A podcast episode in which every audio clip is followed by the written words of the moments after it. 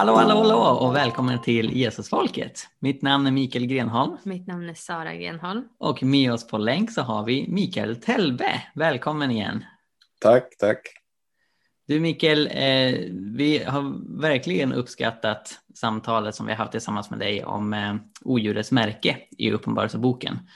Och vi skulle, prata, vi skulle vilja prata mer med dig om Uppenbarelseboken och eh, ta upp tre saker som vi inte hittar i Uppenbarelseboken, trots att vi under liksom, vår tid i kyrkan ständigt har fått de här tre sakerna eh, betonade som väldigt viktiga i eskatologin. Och vi är nyfikna på vad, vad du har för tankar om detta. Eh, så de tre sakerna som vi inte hittar i Uppenbarelseboken är uppryckandet, det är antikrist och det är det judiska återvändandet till Israel. Men först och främst, delar du vår uppfattning att ingen av de här sakerna explicit finns i Uppenbarelseboken? Ja, det är intressant att ni fokuserar på det man inte hittar i Uppenbarelseboken. Jag, jag tänkte ja, men vi kanske ska fokusera på det man ändå hittar. Men det är ju ett sätt, intressant sätt att eh, närma sig Uppenbarelseboken. För det här visar ju att Uppenbarelseboken är ju en, en del i eh, en större kristen eskatologi. Eh, där vi bär med oss eh, vissa frågor och föreställningar till Uppenbarelseboken som vi kanske inte självklart har hämtat ifrån Uppenbarelseboken, men det vi vill att Uppenbarelseboken ska passa in i det här pusslet eller i det här systemet som vi tänker oss. Och jag tror att eh, alla de här tre sakerna du nämner, eller ni nämner, är eh, saker som är viktiga kuggar i ett visst sätt att tänka kring Jesu återkomst eh, och den sista tiden. Eh, och man har det i ett paket och det paketet vill man få Uppenbarelseboken att också lira i eller fungera i. Eh, och eh, det, det, det, är intressant att, eh, tycker jag, eh, närma sig Uppenbarelseboken med de tre frågorna. Eh, jag har ju själv gjort det därför att jag kommer ifrån ett håll där de här tre delarna har spelat en viktig roll i förståelsen av kristna eskatologin. När jag blev kristen så växte jag upp med eh, ett, ett tydligt eh, tidtabellstänkande som jag fick mig lärt genom eh, eh, andra och framförallt genom olika böcker som jag kom, kom i kontakt med. Eh, och det är ju det här man brukar kalla för dispensationalism som ju är ett visst tänkande kring den yttersta tiden och där spelar uppryckandet av Israel inte minst en viktig roll. Mm.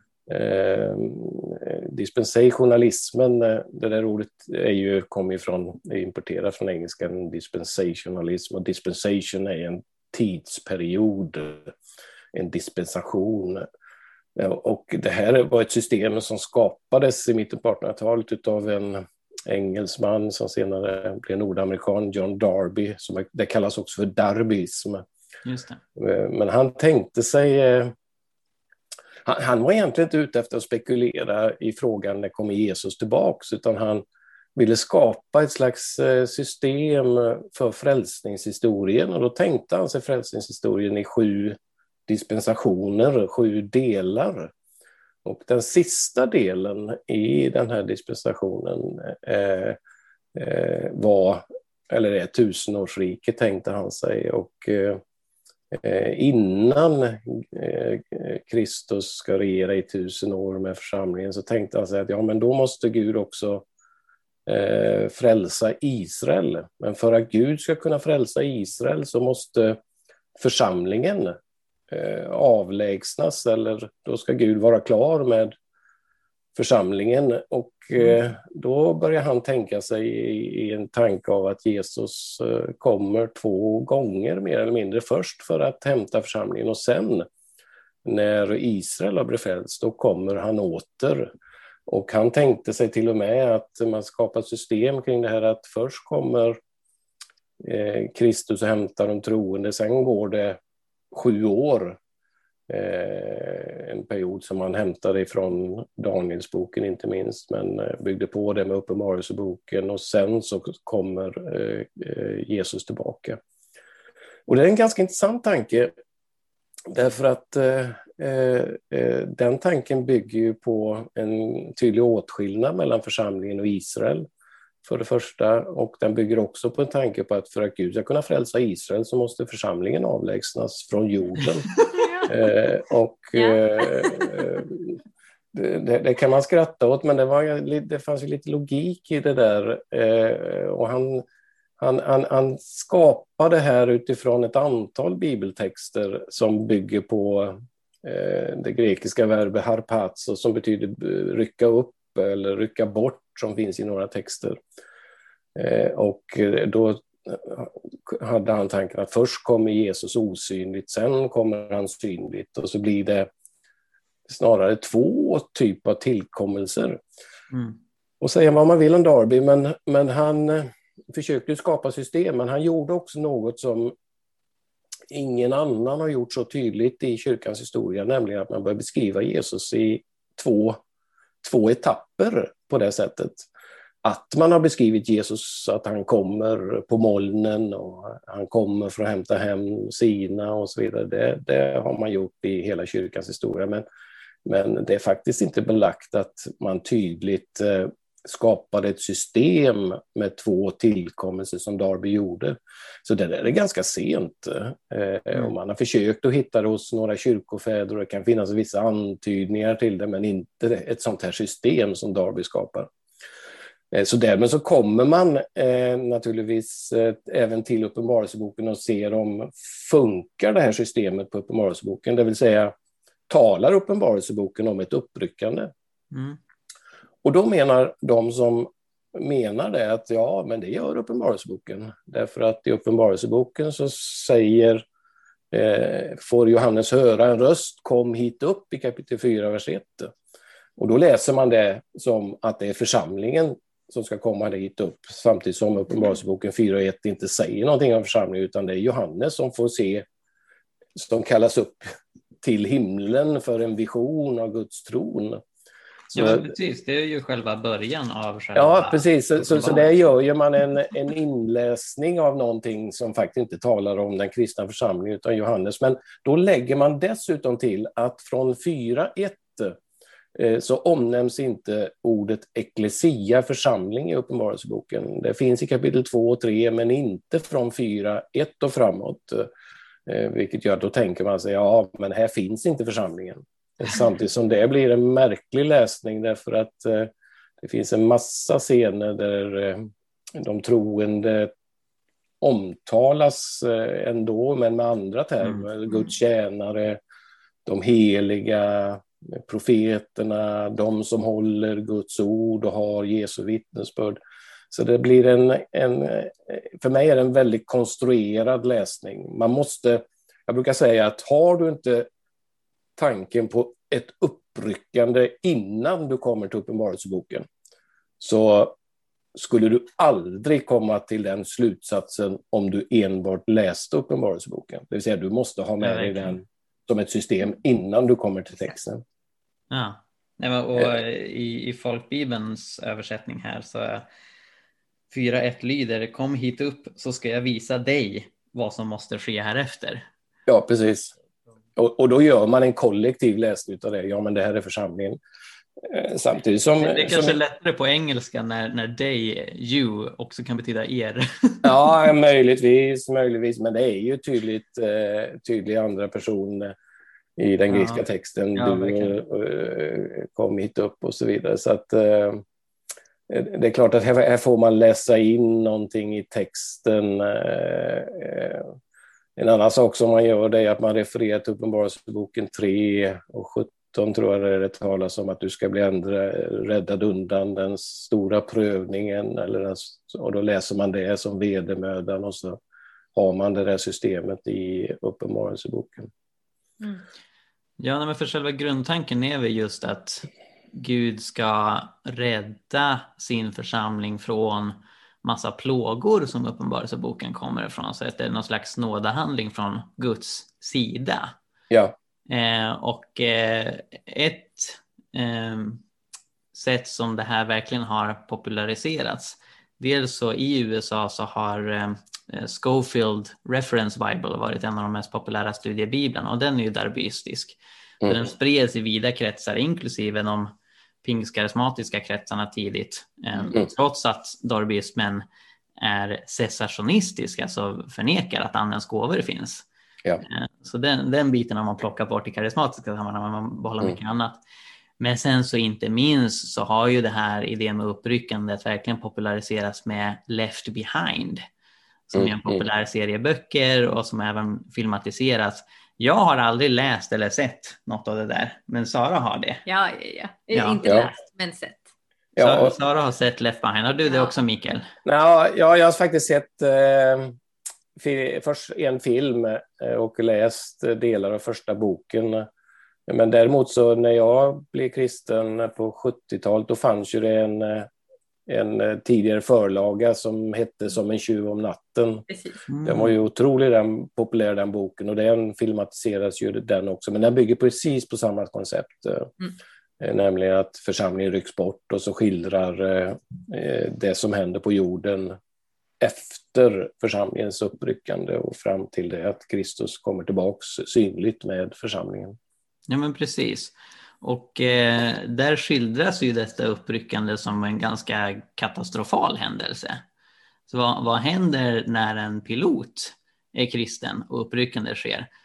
Ja, då, då så störtar planet. ja, ja. så, så det, det, blir ganska rejäla konsekvenser för de som då är left behind. Ja, eh, ja. Och jag har stött på många som verkligen har varit rädda och oroliga för att eh, ja, men, mina föräldrar och kristna vänner och så vidare, de kommer ryckas upp. Men jag som kanske inte känner mig som en så duktig kristen alltid, jag kanske är kvar. Jag kanske är en av de som är left behind.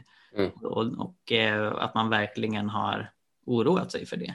Mm, mm. Mm. Ja, absolut. Nej, men det har gärna använts som en slags eh, Eh, väckande förkunnelse eh, som ska liksom få folk att tänka till. Eh, risken med en sån förkunnelse och med all typ av väckande förkunnelse som förresten var väldigt utmärkande för frikyrkan i slutet på 1800-talet, 1900-talet, där man, inte bara, där man kanske inte primärt talar om uppryckandet utan kanske ännu mer typ i en typ av helvetesförkunnelse, det var ju liksom att man skulle väckas till ställningstagande. Eh, och det kan ju vara goda syften i det, men det finns ju eh, allt för många risker med det, att, eh, så att säga, skrämma människor in i Guds rike. Mm. Eh, som ju, det finns åtskilliga exempel på. Jag har ju mött massor med människor genom åren som är, är rädd, eh, brända eller mm. väldigt tveksamma eller avståndstagande från talet om Jesu tillkommelse. Då har ju man, då har man missat själva poängen om det, om det är det som blir frukten. Då, då är det inte hopp och tröst utan då är det rädsla och eh, fruktan som, som styr och motiverar som till slut leder till en typ av distansering. Mm. Men, men, problemet tycker jag med, eh, med den här tanken med eh, uppryckandet som det har blivit är ju att det är ju egentligen en förkunnelse som har odlats i en trygg västvärld som snarare kittlar människors nyfikenhet efter tider och stunder. Eh, där, där tanken finns att församlingen ska räddas från lidandet. Mm. Eh, och jag, det där har jag svårt att se i Nya Testamentet. Eh, de troende är utlovar att Gud ska vara med i lidandet men inte rädda från prövning. Mm. Eh, en, och en vanlig sak är att man ofta läser in tanken på Guds vrede som någon slags eh, eh, period av vedermöda. Att när det står att vi ska räddas från vreden, ja då är det de här sista åren. Eh, och det där är ett missförstånd. Eh, alltså Guds vrede är snarare ett eh, uttryck för Guds dom, antingen i nuet eller i framtiden, inte en speciell period i historien. Mm. Eh, så det där är också ett missförstånd kring, kring det här med eh, den sista tiden, uppryckandet. Ordet vedermöda överhuvudtaget finns ju inte i Bibel 2000 längre fanns 1917 17. Men ordet för vedermöda är ju grekiskans thlipsis som betyder lidande eller, eller prövning. Eh, och det har blivit ett bestämt begrepp för en viss sjuårsperiod som inte heller finns i Uppenbarelseboken. Den kan du lägga till listan av saker ja. som saknas i Uppenbarelseboken. Ordet vedermöda. Ja. Um, och sen då en annan sak som jag blev väldigt förvånad eh, när jag upptäckte att det inte fanns i Uppenbarelseboken. Det är ordet eller begreppet antikrist. Och Sara har snöat in sig lite på antikrist. Du har fått predika om det i mosaik. Nej men, nej men det, var, det var ju också en aha-upplevelse för mig när jag bara så här, eh, ja, men hade läst eh, ja, men hade, hade så här, kollat upp bara, men var står det egentligen om antikrist och inser att här, det står bara i Johannesbreven. Enbart. Mm. Eh, och det, det är så intressant just hur man, eh, hur man liksom tar, tar begrepp eller eh, personer eller vad man ska säga från andra delar av Bibeln och bara så klipper och klistrar och liksom puttar in det i uppenbarelseboken och i liksom tidtabellen inom citationstecken där. Mm. Eh, och att eh, och sen också så här att antikrist i, i Johannesbreven beskrivs ju aldrig riktigt som en viss person utan det snarare beskrivs det som ett fenomen. Men då tar man det och så klumpar man ihop det lite med laglighetens människa i var det nu står. Andra Thessalonikerbrevet 2. Precis. Eh, och så liksom skakar man ihop dem Eh, i en mixer och sen så häller man ut det över Uppenbarelseboken och så säger man tada! Eh, och det blir ju väldigt märkligt. Och det, jag stöter på människor ganska ofta som eh, om man börjar prata om antikrist och jag liksom nämner att det, det är in, den finns inte nämnd i Uppenbarelseboken så blir folk jätte alltså provocerade eller arga eller så. Så läser de, går de hem och läser och sen kontaktar de ofta mig på något sätt och säger oj, mm. den fanns inte i Uppenbarelseboken. Så vad, vad tänker du om antikrist? Varför, varför har man gjort den här eh, blandningen och liksom puttat in i uppenbarelseboken? Och finns det någon, eh, finns det någonting rimligt i det? Ja, Nej, men det är helt korrekt som du säger att begreppet är hämtat från första Johannesbrevet kapitel 2. Eh, och eh, där står det snarare i plural antikrister eh, mm. för att beteckna de eh, de falska lärarna som man tar avstånd ifrån. Då anti betyder ju mot. Mm. Det är alltså mot Kristusar, det vill säga motbilder till den sanna Kristus. Eh, och sen har ju det, det blivit ett begrepp eh, i bestämd form, antikrist, eh, och så lägger man det här i det här systemet som du säger. Och det är ju lite grann typiskt för tycker jag, en kanske mer tidtabellstänkande spekulativ eskatologi, att man, man har behov av att lägga ihop hela pusslet. Eh, man, man ser en vers där och en vers där och då ska man mm. lägga ett pussel av det där. Och det här med antikrist eh, eh, kopplas, som du säger, till andra Thessalonikerbrevet 2, laglöshetens människa, och så blir det en koppling in i Uppenbarelseboken till odjuret ofta som verkar gestalta ett system eller kanske till och med ett system som leds av en person. Och då blir det antikrist.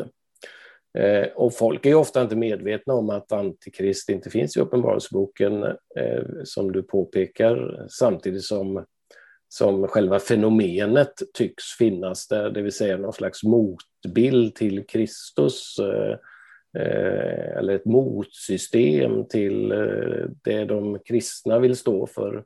Och den tanken, alltså definierar man det som så, så kan man säga, ja men eh, då, då, då kan vi kanske tala om en typ av antikristlig, eh, eh ett antikristligt maktsystem eller ett, eh, till och med en antikrist som person, därför att naturligtvis så leds system också av personer. Ja, men det här, det, jag menar odjuret i Uppenbarelseboken tror jag både kan gestalta de romerska kejsarnas eh, Eh, sätt att förhäva sig samtidigt som kejsarna står för ett system. Eh, och, och, det spelar ingen roll vilket politiskt system du talar om i historien så har det alltid funnits ledare för ett system som alltså säga, drivit och gestaltat det här systemet. Eh, jag, alltså jag har egentligen inget problem att prata om antikrist eh, eh, men man måste liksom veta vad är det du menar med det då. Och lätt blir det så här att vi, ja, vi pratar om antikrist som ska komma. I, i första Johannesbrevet 2 är ju antikrist någonting som existerar nu. Mm. Alltså vi måste förstå att motbilder till Kristus har alltid funnits och finns i vår tid och kommer att finnas i framtiden, både i singular och i plural. Och eh, i Uppenbarelseboken är ju väldigt tydligt att församlingens uppgift är att utmana de här motbilderna. Eh, man tar odjuret till exempel. Odjuret beskrivs förvillande likt lammet i Uppenbarelseboken. Alltså det, det, det, det har horn och, och det, det, drar till sig folk i tillbedjan eh, och det har ett sår som har läkts, det vill säga en typ av anspelning på uppståndelsen. Ehm, eh, och, och, och där blir ju odjuret en typ av motbild till Kristus. Eh, så använder man begreppet antikrist på det sättet, eh, man ska vara med att det inte finns i Uppenbarelseboken, men, men menar du en motbild till det sanna, till Kristus, ja, då kan vi prata om det, men då ska vi också vara medvetna om att det är inte bara en figur precis innan Jesus kommer tillbaks, utan de där finns ju i alla tider. Eh, och frågan är om, om, om, om du kan, eller rättare sagt, församlingens församlingens uppgift är ju att eh, utmana de där motbilderna. Och, och där tycker jag Uppenbarelseboken blir väldigt intressant, därför att budskapet blir ju mer eller mindre Eh, speciellt när det andra odjuret dyker upp i Uppenbarelseboken 13.11, för då står det att det, det, det, såg ut som ett lamm, men mm. talade som en drake. Och, och, och, och, och det liksom blir ju själva nyckeln. Ja, det liknar Kristus, men det är inte Kristi röst. Budskapet blir att det är endast genom att till, leva tillräckligt nära Kristus och veta hur Kristus talar som du också kan avslöja motbilderna till Kristus. Eh, så det finns ju en teologi kring det vi kan kalla för antikrist eller antikrister. Men det blir ett problem när vi liksom bara väntar på en person. Eh, ja men hallå, mm. de, de, de, finns runt omkring oss. Mm. De här rösterna eh, som är så förvillande lika, bilderna som är så förvillande lika. Och församlingens uppmaning är att känna lammet så väl så att vi också förmår att avslöja de falska bilderna utav Kristus.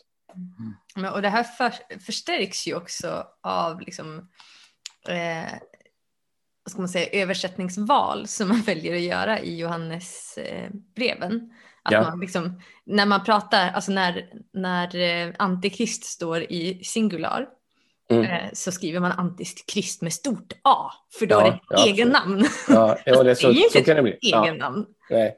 Um, Nej. Anti är ju en preposition som betyder mot. Mm. Exakt. Så att det borde egentligen vara litet A streck Krist. Mm. Eh, eller antikristus till och med. Mm. Eh, för att liksom få den betoningen. Mm. Ja, och, grekiskan gjorde ju ingen skillnad på stora och små bokstäver. Eh, Absolut inte. På, på den här tiden, utan det är ju senare eh, på mm. Men eh, alltså jag tänker på hur eh, jag ofta får antikrist beskriven för mig av mina frikyrkliga bröder och systrar.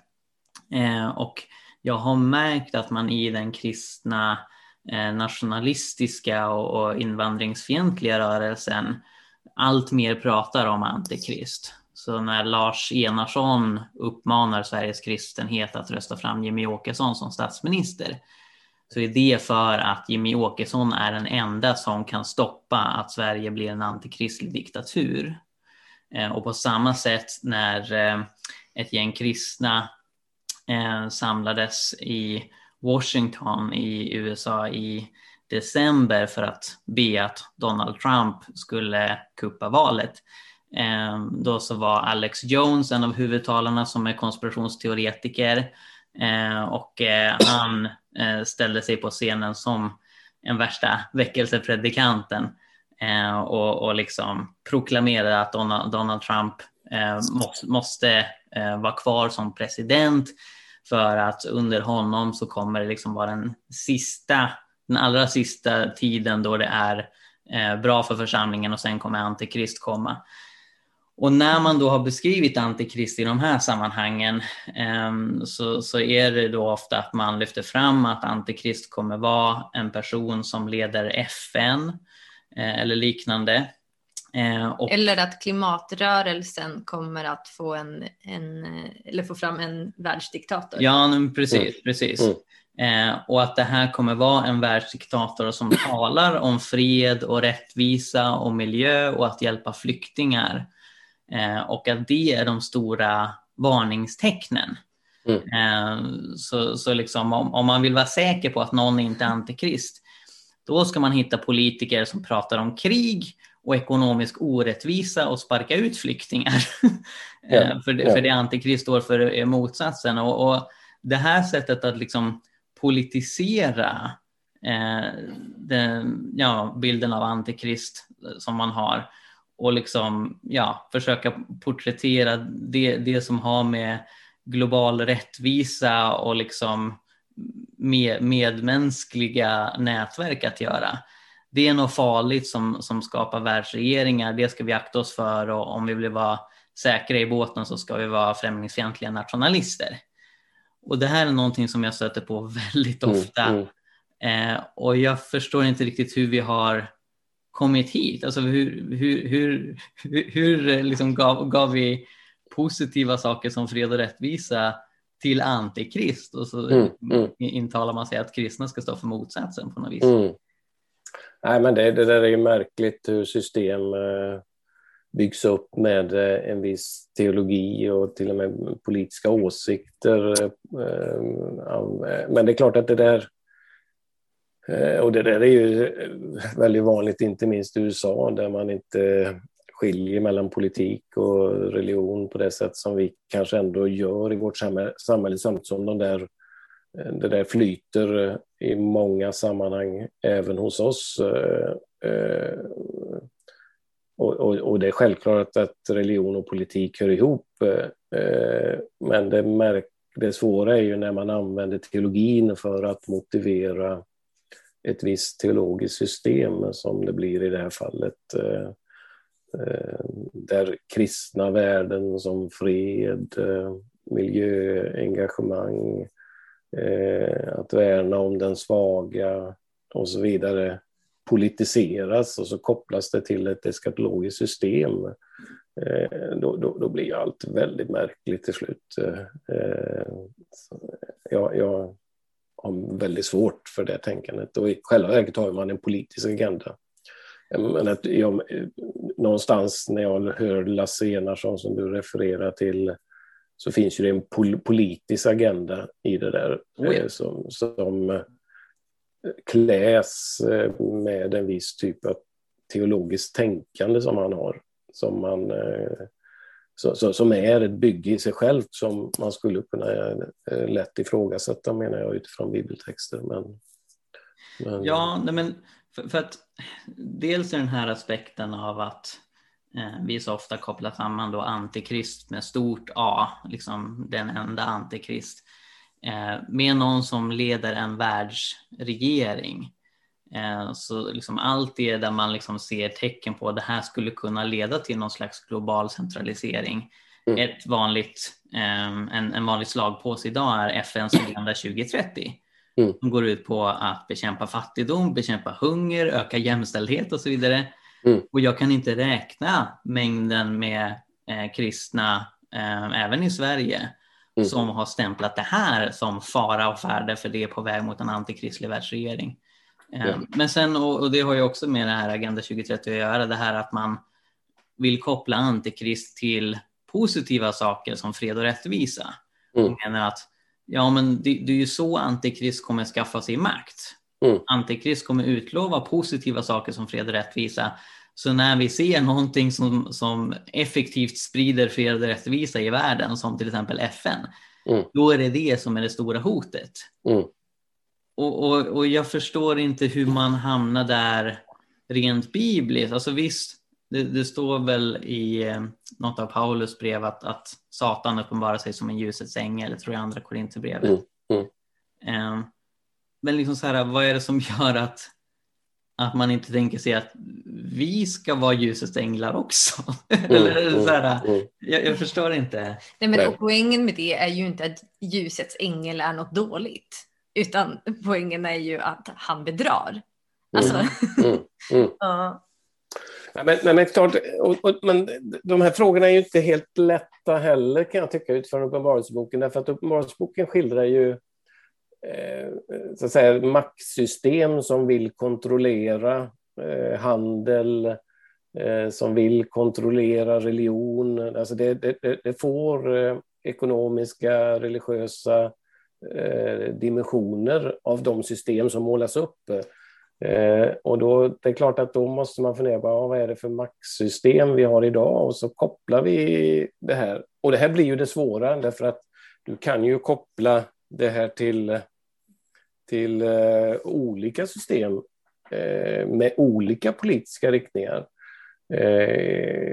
Jag menar man skulle kunna se en, en kommunistisk regim som eh, antikristlig i den Mm. betydelsen att man förnekar Gud, man försöker kväva kyrkans tillbedjan, typ som i Kina. Mm. Eh, Där, där har de inga problem att peka ut ett antikristligt system eh, när man pratar med kinesiska ledare. Men sen kan man å andra sidan tala om USA som ett eh, slags maktsystem som korrumperar, som söver människor i välfärd. eh, Och eh, eh även det finns ju det fog eh, för att eh, vara uppmärksam på i Uppenbarelseboken med skökan och skildringen av materialism och konsumism och ekonomism. Så att eh, Uppenbarelseboken är ju eh, inte för mig en text som vi bara kan lägga och sen blir allt svart och vitt, utan utmaningen är ju för kyrkan att vara profetisk, eh, att genomskåda eh, system, vare sig de är höger eller vänstersystem, Mm. eh, av system som kan korrumpera eh, och förföra och eh, leda människor till en falsk tillbedjan ytterst, det vill säga sätta människan och människans godhet och förmåga i centrum snarare än Gud i centrum. Och det där kan ju bli, eh, alltså jag, jag tycker att eh, såväl eh, höger som vänsterkristna behöver liksom vara lite självkritiska till sina system. Eh, och det kyrkan egentligen vare sig är höger eller vänster utan är, är Kristus. Eh, och som egentligen överbryggar eh, en mängd frågor. Och, och problemet blir ju när vi liksom försöker lägga det här på ett visst politiskt system samtidigt som vi då svartmålar ett annat. Och då blir ju det här en språköverbyggnad som man använder sig att det systemet som jag inte tror på, det blir antikristligt. Ja, då har du liksom skruvat till det och börjar använda språket för att, eh, för att eh, förfäkta något eller för att underminera någonting. Så att, eh, Uppenbarelseboken eh, eh, eh, lär oss att förstå att det finns maktsystem som förför. Men eh, lär oss inte självklart att det är höger eller vänster eller en, en, en viss politisk färg på det systemet. Nej men precis, och någonstans finns det något positivt i att man eh, blir skeptisk till maktkoncentration. Eh, och, att, och att man höjer varningsflaggor eh, för eh, ja, när, när för mycket makt liksom samlas hos få individer. Men det är just att det, är, att det, det är väldigt sällan är konsekvent. Nej, nej, nej jag håller med. Jag håller med. Ja. Verkligen. Men så till den sista punkten. Ehm, återvändandet till Israel. Mikael, take Ja. it away. Eh, visst är det så att, att Uppenbarelseboken aldrig explicit säger att det judiska folket ska återvända till Israel innan Jesus kommer tillbaka? Det här är ju eh, en eh, fråga som naturligtvis har dryftats. Så frågan är om, om det finns någon text som tydligt säger just det i Nya testamentet. Det vill säga att Israel ska återvända till ett geografiskt eh, område. Eh, och sen finns ju påbyggnad på det också, att templet ska återupprättas och offertjänsten ska återinrättas och sådär. Så, så att, eh, eh det, det, det, är ju system som har byggts i det här. Eh, eh gärna i det vi kallar för eh, dispensationalismen, där Israel spelar en väldigt stor roll. Eh, och och det, det, det, finns ju få frågor som kan splittra kristna så mycket idag, menar jag, som synen på Israel.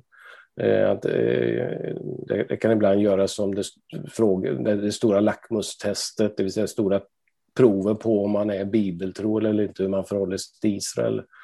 Eh, och eh, här finns ju det en, en slags, eh, eller en eskatologi där Israel har kommit att spela en väldigt viktig eh, Eh, roll och som också har fått en renässans under 1900-talet i och med eh, det att Israel fick ett eget land och judar började återvända till eh, Jerusalem och till Israel.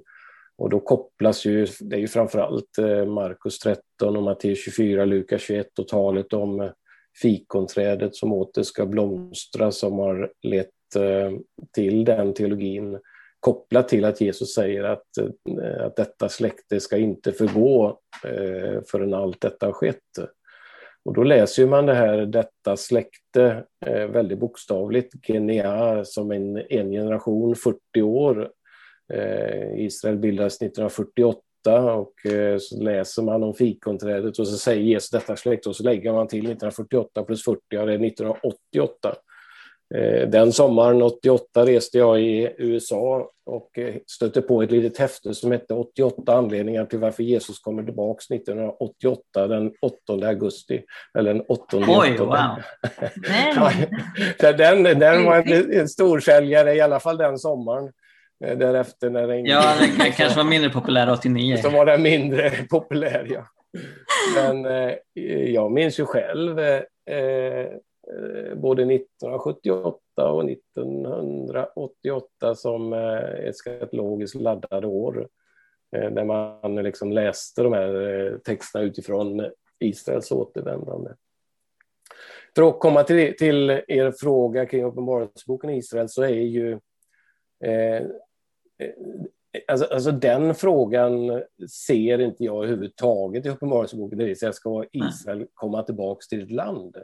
Jag ser inte den frågan överhuvudtaget i Nya Testamentet. Alltså det intressanta med den frågan, om man tittar till exempel på Paulus, så är han väl medveten om eh, texterna eh, och han citerar ju faktiskt Abrahams löfte om att eh, Israel ska få ett land att Abraham ska ärva ett land. Men det intressanta när han ska ta den texten ifrån, från Första Moseboken 12 så, så skriver han om texten i Romarbrevet 4 och 13. Mm -hmm. Han använder inte ordet eh, land, eh, att Abraham fick löfte att ärva landet, gap i den grekiska texten, utan han byter ord och säger att Abraham fick löfte att ärva världen. Världen? Wow. Och kosmos ändrar han till. Ja. Och det här är för mig en indikation för Paulus att, att Kristus för honom har sprängt nationella, etniska gränser och markörer och mm. gjort dem universella. Det handlar inte om ett land, det handlar om hela världen, hela kosmos för honom. Eh, han skulle mycket väl kunna ha tagit upp, tagit upp liksom den tanken, att ja, Israel ska få sitt land, men han gör det aldrig. Han talar om, eh, det, det här sprängs i Kristus för honom och det präglar ju så tydligt hans mission. Ändå naturligtvis så tvingas ju Paulus att ställas inför frågan, ja hur går, ska det då gå med löftet till fäderna? Mm. Eh, och, och, det märker vi att han försöker besvara den frågan i Romarbrevet 9-11, den enda text för mig där Paulus tillräckligt tydligt, som ändå inte är tillräckligt tydligt för mig, eh, försöker besvara den frågan. Eh, men hela Romarbrevet 9-11 handlar ju om sorgen över att Israel inte har tagit emot evangeliet och mm. frågan som ställs är naturligtvis har Gud förkastat Israel? Nej, säger Paulus med en fas i Romarbrevet 11.1. Bort det, Gud förbjuder. Det finns inte på kartan därför att Gud kan förbarma sig Eh, och, och, Gud, han har inte övergett sina löften och han är inne på flera tankar och till slut kläcker han ur sig att, att, eh, att ett mysterium är avslöjat, nämligen att hela Israel ska bli frälst. Mm. Ganska kryptiskt i Romarbrevet 11, 25-26. Eh, och det finns ju många sätt att läsa och tolka den texten, men det är alldeles tydligt att Paulus är intresserad av Israels räddning. Men inte ja, heller där handlar det om, ett, om något land. Det handlar om ett folk. Eh, och där eh, eh, skulle jag nog ändå vilja säga att Uppenbarelseboken säger någonting om, om Israel. Eh, alltså det, det, det, jag, jag, tror inte Uppenbarelseboken i sig själv är egentligen intresserad av eh, säga, judarnas framtid i den betydelsen att säga hur ska det gå, eh, och så vidare. Men, men det finns ju framförallt två texter som jag tycker är intressanta och det är eh, Uppenbarelseboken 7 och det är eh, Uppenbarelseboken 21. Därför att i Uppenbarelseboken 7 så får Johannes höra om en skara på jorden. Och så räknas Israels tolv stammar upp på ett märkligt sätt som inte motsvarar någon stamuppräkning som, eh, som finns. Eh, det finns en parallell som, är, som man möjligtvis skulle kunna se som en parallell. Men det är en väldigt märklig stamuppräkning och påminner om hur Israel ställs upp till krig i fjärde Moseboken och hur man räknade stammarna. Och siffran blir 144 000. Ja. Och precis när det har räknats så, så får Johannes se en skara i himlen i nästa vända eh, av alla stammar, språk och länder och folk. Mm. Och det är en sån tydlig markering till räkningen av Israel i Uppenbarelseboken 7 till att sprängas till att bli någonting så mycket större till slut. Det vill säga någonstans så finns det en början i ett Israel som egentligen inte riktigt går att definiera enligt de gamla stammarna, men, men till slut sprängs det där. Och det där plockas ju upp i Uppenbarelseboken 21 när Johannes får se det nya Jerusalem, som ju består av eh, tolv grundstenar och tolv portar. Eh, och grundstenarna är, är de tolv stammarna och portarna de tolv apostlarna. Eh, och där plötsligt så får vi den här kombinationen av, eh, av tolv stammar, tolv apostlar, det vill säga här är hela gudsfolket. Och, och, och det intressanta är att det här folket beskrivs som en stad och när man ska mäta staden runt om så är den tolv gånger tolv eh, stadier, alltså 144.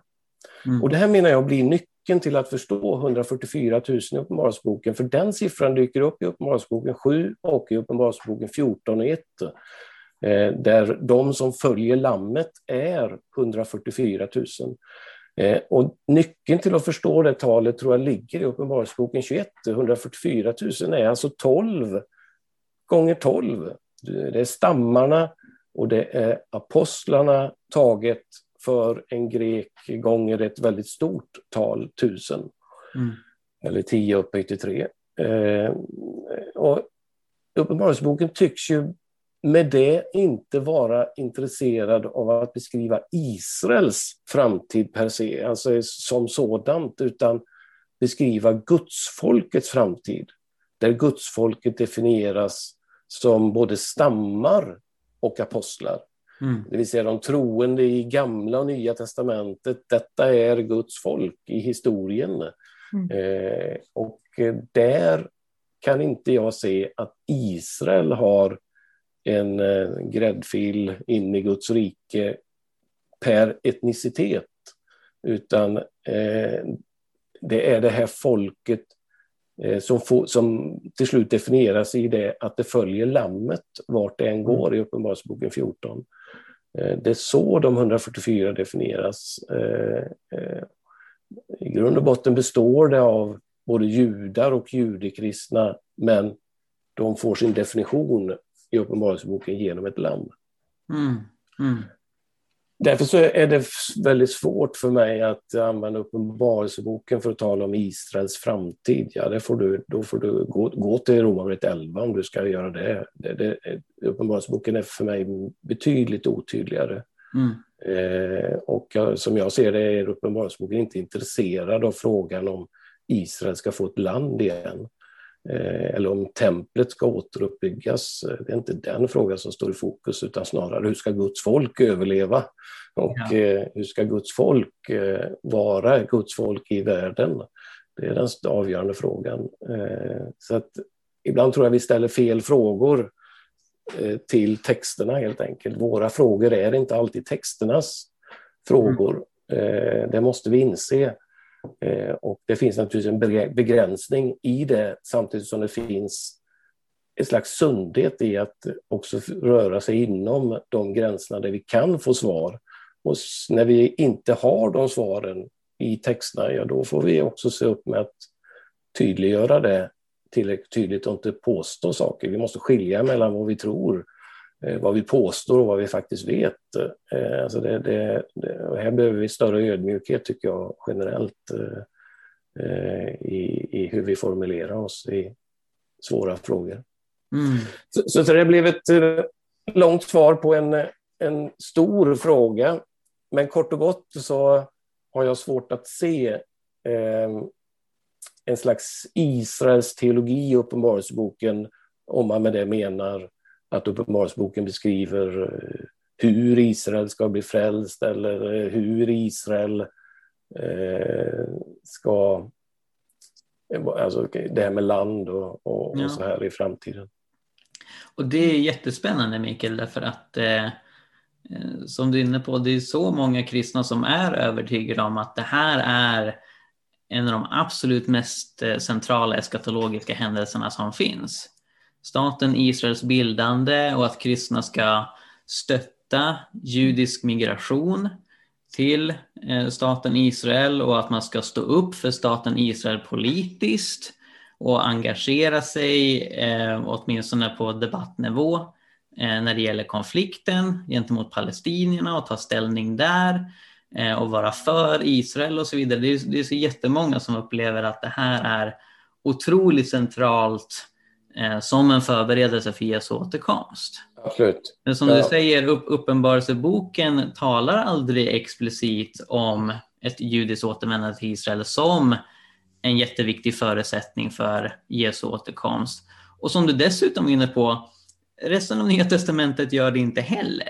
Eh, när Jesus pratar, som, som du nämnde, om sin återkomst i Markus 13 eh, och parallellerna där i, i Lukas och Matteus, eh, så nämner han det inte utan det som jag ständigt har fått förklarat för mig är det Jesus säger om detta, det är det här om fikonträdet.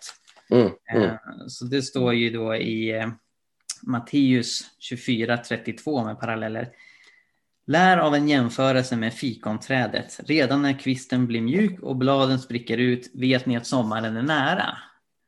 Och, och, jag har stött på jättemånga kristna som pekar på den här versen. Här Mikael, här står det att, att judarna återvänder till Kanans land.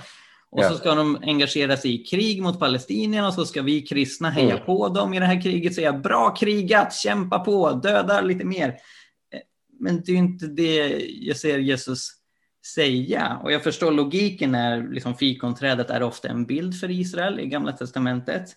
Men det kan ju lika gärna läsas som det här är en jämförelse jag gör med fikonträdet. Man ser när sommaren är nära på grund av fikonträdet. På samma sätt de tecken som jag har pratat om er om. Va? Tecken på himlen och, och, och så vidare. Att, att eh, ni på liknande sätt ska se att min ankomst är nära. Så jag kan inte riktigt se att, att Jesus någonstans uttryckligen säger att det är det är jätteviktigt med det här judiska återvändandet till Kanans land för att jag ska komma tillbaka. Men jag tror också att det har eh, att göra med det vi pratade tidigare om antikrist. Att man klumpar ihop antikrist och laglöshetens människa. Och laglöshetens människa ska sitta på tronen i templet. Och templet finns inte där. Och för att templet ska finnas så måste, Israel, eller så måste judarna återvända till Israel och också eh, köra bort muslimerna från tempelplatsen och bygga ett nytt tempel. Och mm. då, ja. då kommer liksom det att sprätta igång resten. Ja, nej men eh, absolut. Det är den mest långsökta bibelläsningen jag någonsin hört. Ja, nej men, men alltså det, ja. det är ju det är ett vanligt argument. Ja. Nej, men här måste man verkligen understryka vikten av att eh, alltså när, jag, när jag diskuterar de här frågorna med eh, människor så säger jag ja, det är intressant, ge mig, ge mig en bibeltext. Alltså, ge, ge, mig bibeltexten, var ser du det här tydligt? Är det här tydligt i bibeltexten mm. eller är det någonting som förutsätter en viss kunskap? Är det någonting som förutsätter att vi kopplar ihop ett antal texter?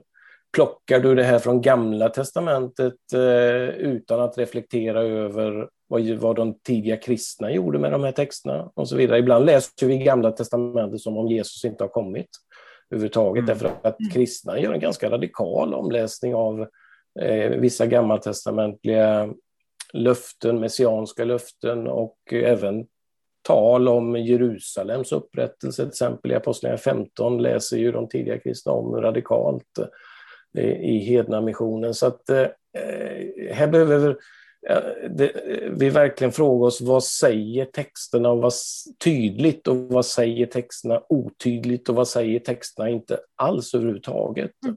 Sen tycker jag det, när det gäller Israel tycker jag det är en annan viktig sak som jag tycker blandas ihop väldigt mycket och det är att vi skiljer inte mellan land, stat och folk. Just det. Precis. Det vill säga, man rör ihop det här och liksom det blir ett och samma paket och därmed ska jag alltid välsigna Israel. Eh, ja, för mig är det här landet tveksamt utifrån Nya Testamentet. Staten, ja, jag är inte all, alls övertygad om att kristna behöver eh, stödja staten Israel i allt, det vill säga vad man politiskt gör. Däremot så tycker jag att kristna generellt ska ha en välsignad attityd till det judiska folket. Absolut. Precis som vi har till palestinier och alla andra folk, men mm. också för att vi tror att Gud eh, kanske inte är helt klar med det judiska folket. Det vill mm. säga, eh, Gud, Gud kan handla i sluttiden som Paulus kryptiskt antyder eh, för mig i Romarbrevet 11 med det judiska folket. Men vi skulle behöva ha en tydligare distinktion vad vi menar med Israel ibland.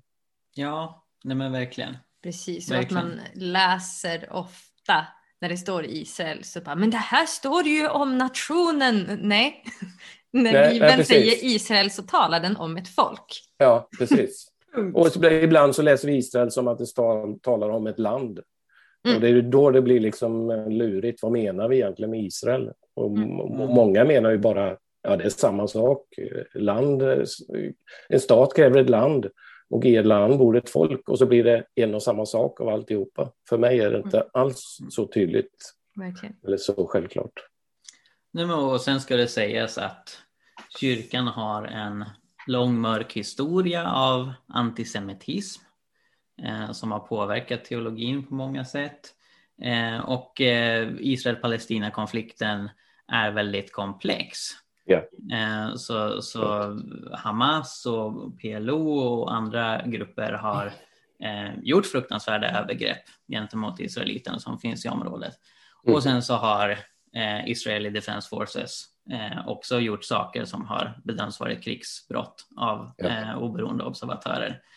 Och det är så krig alltid ser ut. Det liksom mm. finns aldrig en, en rent god sida och en liksom enbart ond sida, utan det, det, det, är, det är en väldigt tragisk situation. Problemet blir ju när vi går, liksom, går in i den konflikten, eller liksom, åtminstone observerar den konflikten och liksom har på förhand bestämt oss för att det finns en sida som Gud hejar på som ett fotbollslag ungefär. Mm. Eh, och att det är viktigt för mig att, att på samma sätt heja som ett fotbollslag.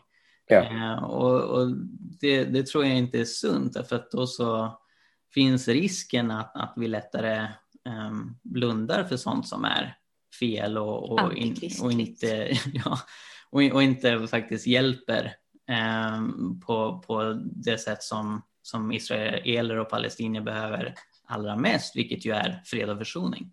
Mm, mm. Mm. Ja, och så missar vi att göra precis det som Uppenbarelseboken så tydligt uppmanar oss att göra. Eh, att, jag menar så här, att se med profetiska ögon på regimer eh, Mm. och på makthavare och våga kritisera och stå upp för vad som är sant och vad som är rättfärdigt. Mm. Eh, istället för att heja på allt vad de gör. Mm. Vilket är precis vad Uppenbarelseboken pratar om att vi inte ska göra. Nej men precis. Och nu så liksom staten Israel etablerad och det har redan skett ett judiskt återvändande till Israel. Inte helt och hållet, men det är ju många som har migrerat dit. Ja. Eh, Så liksom min position är inte liksom att nu ska vi se till att ba- backa bandet och, och, och få bort alla judar därifrån. Absolut inte. Eh, Men det är just det här när, när så många kristna felaktigt har tänkt sig att det här beskrivs i Bibeln som en otroligt central eskatologisk händelse. Mm. När den i själva verket inte finns där. Nej. Så liksom behöver inte vi engagera oss för att "Ja, men nu ska vi se till att alla judar i Mm. USA och så vidare ska flytta till Israel och vi ska Nej. se till att, att eh, Palestina utrymmer Gaza och Västbanken så, så israelerna får mer plats. Nej. Jag jag ser liksom ingen biblisk grund för en sån politisk kamp och jag ser absolut inget skäl att en sån kamp ska föras med alla medel. För det är Nej, en sån nej. attityd som jag tycker är väldigt obehaglig. Att det är Mm. så pass viktigt att vi ska hjälpa Jesus komma tillbaka att vi blundar för förtryck och etnisk rensning som vissa faktiskt önskar sig. Mm. Eh, och, och, och det är ganska brutalt. Ja, absolut. Och det här, eh, återigen, vi måste skilja mellan vad som är perifert och eh, vad som är centralt eh, för oss som kristna. Och det, och, det, och det är det som är tydligt och klart. Vi måste också förkunna och stå för. Och här handlar ju inte minst om evangelium till alla folk eh, och att den kristna rörelse och kyrkan handlar om alla folk.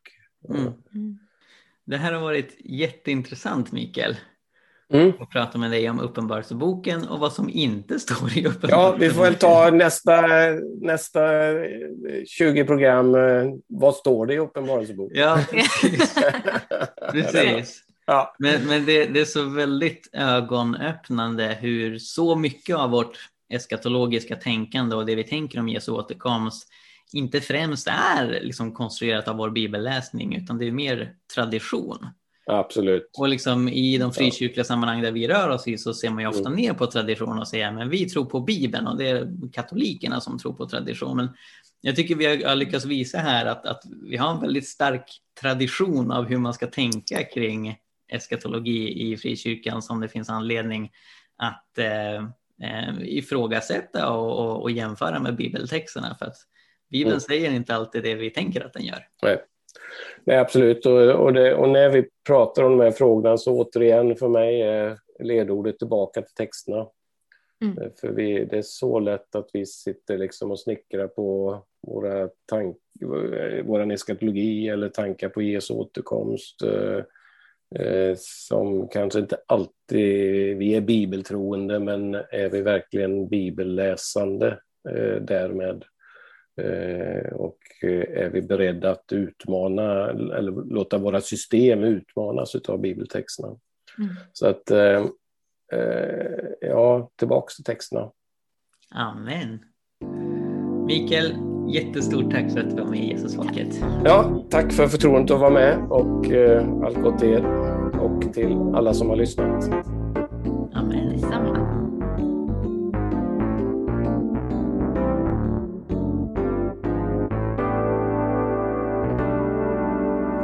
Så mycket för att du lyssnar på Jesusfolket. Om du vill höra mer så se till att prenumerera på iTunes, Spotify eller valfri podcastapp. Du kan också lämna en recension, vilket är en eh, liten grej att göra som hjälper oss väldigt, väldigt mycket, så det uppskattar vi verkligen. Eh, du kan också läsa vår blogg, Hela Pingsten. Vi har mängder med artiklar där om andens gåvor, evangelisation, fred, rättvisa och allt möjligt annat som har med lärjungaskap att göra, så kolla in det. Och vi finns på sociala medier, du kan följa både Jesusfolket och Hela Pingsten på till exempel Facebook. Tack så mycket. Gud välsigne dig och eh, fortsätt vara en del av Jesusfolket.